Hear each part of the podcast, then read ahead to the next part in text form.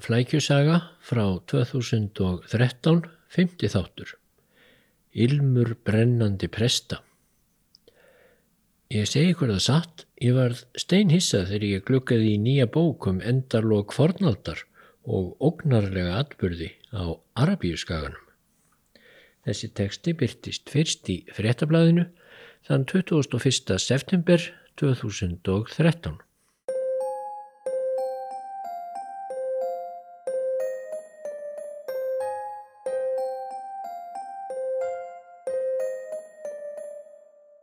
Skemmtilegast við mannkynsögun er hvernig hún kemur manni sífælt á óvart. Jábel þótt maður telji sig hafa lesið tölverst af bókum og vefsíðum um söguleg efni þá getur maður ennorðið standandi hlessa á einhverju. Einhverju sem ný bók eða nýr pistill á vefsíðu dregur fram í dagsljósið. Síðast var ég verulega undrandi þegar ég las bókina í Skugga Sverðsins eftir enskarituvundin Tom Holland. Sá hefur skrifað nokkrar vinsælar bækur um sögu fornaldar en þessi nýjasta bók fjallar í raun um endalók fornaldarinnar. Baráttu austurrómverska ríkisins í Konstantínópel við Persaveldi á sjöndu öld eftir Krist og síðan uppgang Íslams sem segja má að hafa lokum staðið yfir höfuðsvörðum begja hinn að fornu heimsvelda í Konstantínópel og Persíu. Bókin vakti aðtökli þegar hún kom út í fyrra, ekki síst af því Holland sínir þá ótfyrraðu dyrfsku að fjalla opinskátt um kenningar um upphaf Íslams sem fræðimenn hafa hingað til ekki farið mjög hátt með. Í örstuðtu máli má segja að þessar kenningar snúi á haus hinni hefðbundnu sögurskoðun um þetta efni. Svo er að mestu komin frá múslimum sjálfum og gengur út á að Múhammed spámaður hafi komið fram eins og óvæntur eldibrandur innblásin af Guði með fullsköpu trúarbröð. Hann hafi komið inn í frumstæðan ættbálka heim skurðgóða dýrkenda í, á Arabíuskaga þar sem allir trúðu nánast bara á stokka og steina.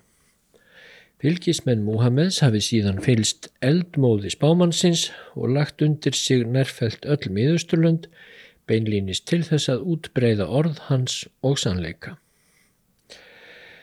En fyrirnemdar kenningar sem hinga til hefur aðalega verið kvíslast áum, snúast um að röð atburða hafi verið þver öfug, ef svo má segja. Arabískir ættbálkar og smáríki á Arabíuskaga hafi einfallega saminast og hafið útæðinslu stefnu og landvinninga þegar stórveldin í nákrenninu voru veik fyrir og hafi náð undir sig miklum löndum.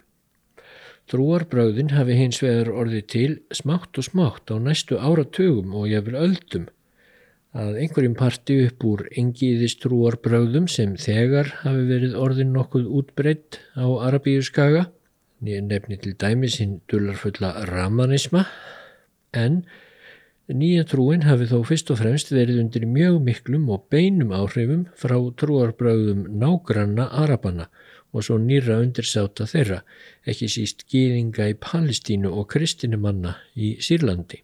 Hvert hlutverk Múhammed sjálfs hafi verið eru menn svo ekki alveg sammála um þeir sem þengja á þennan veg. Þetta er vissulega mjög einfölduð mynd af þeim kenningum sem Holland rekur í bóksinni en brúkleg í svona stuttum söguþætti. Það er kannski réttast að taka fram að í sjálfu sér þarf það auðvitað ekki að rýra nokkuð gildi hins siðferðilega intags Íslams þótt einhverjir efistum bókstaflegan sannleik allra sagna um Múhammed og upphaf hans. Kristindómurinn lifir jú góðu lífi þótt nálega engin trúi lengur á bókstafin í sögum um Abraham og Mosse og fleiri mektarmenn úr þeim bókum öllum.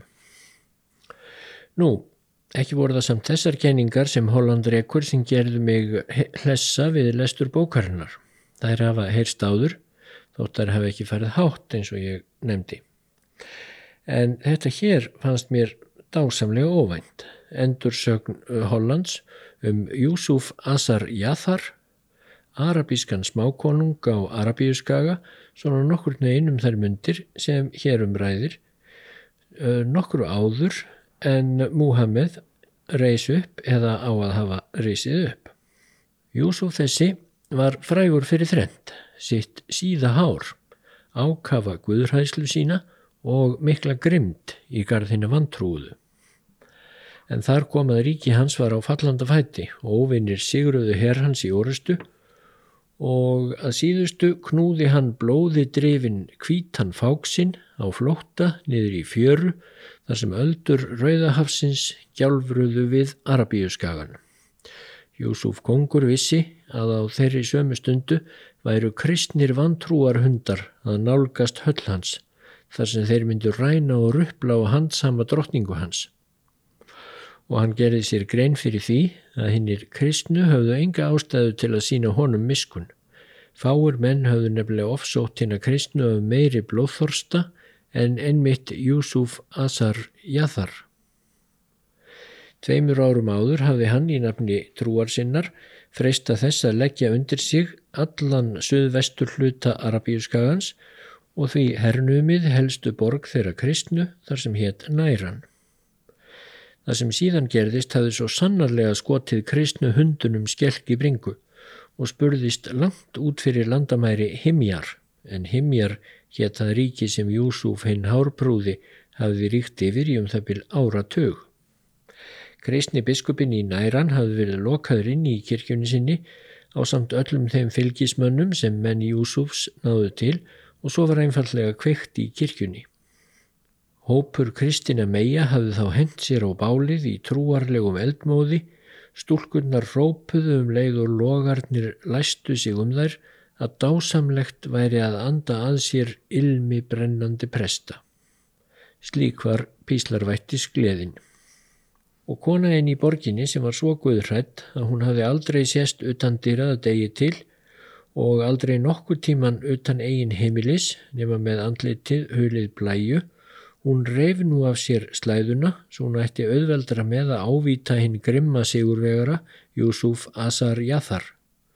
Og Júsúf kongur rittist svo þessari augrun að hann létt drepa bæði dóttur hennar og dóttur dóttur og hella blóðið þeirra niður um háls hennar áður en höfuðið var högvið af konunni. Sá ofsi sem Júsúf síndi hinn um kristnu hundum í næran hafði nú að endingu komið honum í koll. Þótt þeir kristnu væru sífælt að dásama píslarvætti stöðan var ekki sennilegt að þeir væru Júsúf mjög þakkláttir til lengdar. Þvert á móti hlutu þeir að hefna allra þeirra sem fallið höfðu fyrir sverðum og eldi Júsúfs. Handan Rauðahafsins var Kristi ríki, Aksum í Eþjópíu og þaðan kom herin sem nú hafði ger eitt hersveitum Júsúfs. Himjar var nú á valdi hinn að kristnu og Júsúf var glataður þrátt fyrir að hann hefði alla æfi talið sig fylgja í einu öllu leiðsögn hins útvalda spámanns Guðs. Júsúf stemdi hesti sínum út í bylgjur Rauðahafsins. Hinnir kristnu hundar skildu að minnstakosti ekki fá að hafa lík hans að háði og spotti ædýpra óð hesturinn þar til að lokum að þung Brynja Júsuf Asjar Jathars færiði þennan síðasta konung heimjars á kaf. Nú, þessi mynd virkar í rauninni fremur kunnuleg. Þótt hróttaleg sé, við höfum lesið í bókum og séð í bíómyndum margar svipaðar sögur þar sem soldánar og smákongar muslima eiga á fyrstu öldum Íslams í grimmilegri baráttu við menn og konur kristindómsins.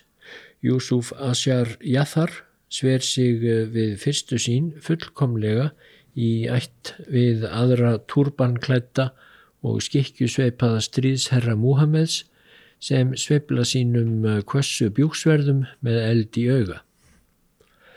Þanga til það rennuru fyrir okkur og Holland upplýsir um síðir að Júsúf var alls ekki muslimi.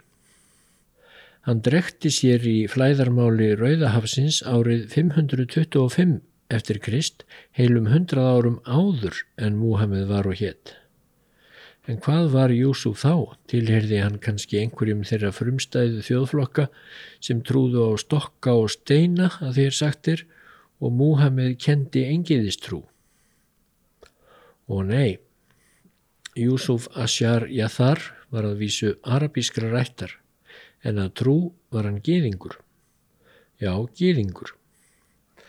Sangvært þeirri sögu sem flestir telja sig þekkja um gýðinga þá var ríki þeirra í Palestínu endanlega fyrir bí eftir að Rómverjar bældu niður uppreist þeirra gegn sér árið 135 eftir Krist.